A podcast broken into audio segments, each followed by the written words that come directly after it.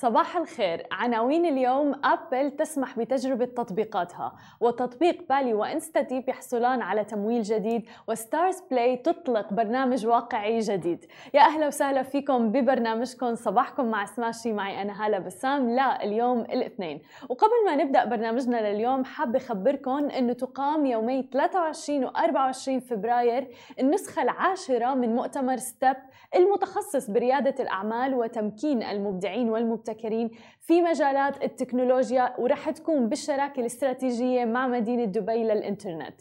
ويقام الحدث بمشاركة أكثر من 400 شركة تقنية عالمية ناشئة. ورح يكون في جدول حافل أيضا بورش العمل والجلسات النقاشية اللي بتتناول موضوعات بارزة ومهمة جدا عم تحدث تحولات كبرى في عالم التكنولوجيا والاقتصاد بشكل عام.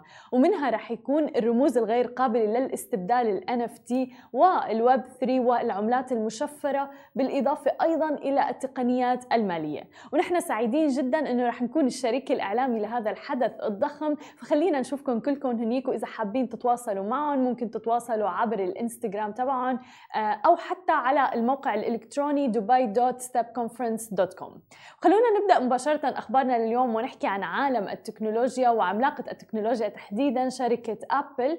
قامت شركة أبل بتغيير مهم في سياسة نشر التطبيقات على أجهزتها بحيث رح تسمح للمطورين مشاركة التطبيقات مع المستخدمين لتجربتها من دون نشرها رسميا في المتجر. بتعتمد الآلية الجديدة على مشاركة المطورين روابط مباشرة للتطبيق رح تكون مع بعض المستخدمين مما رح يتيح لهذه المستخدمين تنزيل التطبيقات وتجربتها بشكل خاص حيث أن هذه التطبيقات ما رح تظهر لأي من أقسام أو التصنيفات اللي موجودة على متجر تطبيقات أبل. وبتقول أبل أيضا أنه هي السياسة الجديدة رح تساعد المؤسسات الخاصة والمنظمات اللي بتهدف لتطوير تطبيقاتها وعدم عرضها في المتاجر. طبعا كونها رح تتوفر عبر روابط مباشرة لتنزيلها وما رح يستطيع أحد من خارج هذه المؤسسات الوصول للتطبيقات كما هي العادة.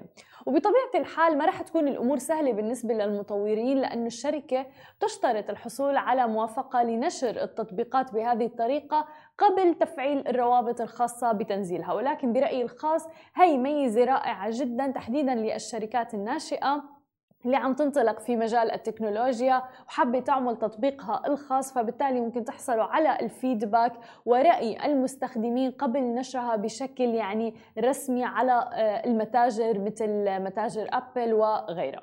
أما إذا بدنا ننتقل إلى الشركات الناشئة فخلونا نحكي على تطبيق بالي العراقي الآن تمكن من إغلاق جولة استثمارية سيد قدرها 10.5 مليون دولار أمريكي في حدث تاريخي للعراق كونها أكبر جولة استثمارية معلنة في تاريخ البلد وواحدة من أكبر جولات سيد في المنطقة على الإطلاق. شهدت الجولة الاستثمارية مشاركة أطراف إقليمية وعالمية أيضا بالإضافة إلى مجموعة ماجد الفطيم وعدد من المستثمرين أيضا الآخرين. أطلق التطبيق بالي أولى خدماته تقريبا اللي هي النقل التشاركي في الشهر الماضي فقط في العاصمة العراقية بغداد لكنه عم بيسعى بأن يوفر خدمات متكاملة كأول تطبيق يقوم بذلك بالعراق حيث رح يبدأ بخدمات توصيل أيضا البقالة والطعام خلال الأسابيع المقبلة في بغداد ومن ثم أيضا التوسع إلى مدن عراقية أخرى. طبعا مثل ما عم نشوف في طلب كبير جدا على موضوع التوصيل وتحديدا توصيل الأمور الأساسية اللي العلاقة بالبقالة والطعام فأكيد رح يكون لسه النجاح أكبر وأكبر لتطبيق بالي في العراق.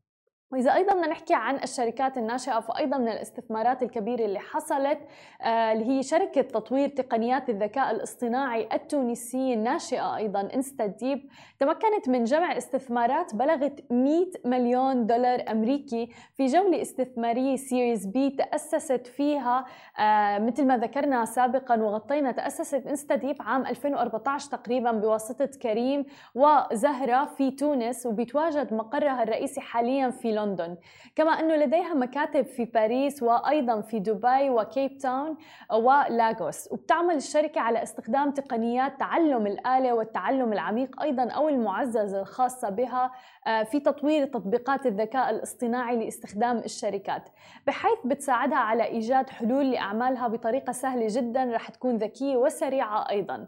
كانت الشركة قد أغلقت جولتها الاستثمارية السابقة Series A بقيمة تقريبا قدرها كان 7 مليون دولار أمريكي ولكنها الآن عم تحظى بدعم مجموعة من كبرى الشركات العالمية اللي عم تسعى لاستخدام إنستا ديب في عملها.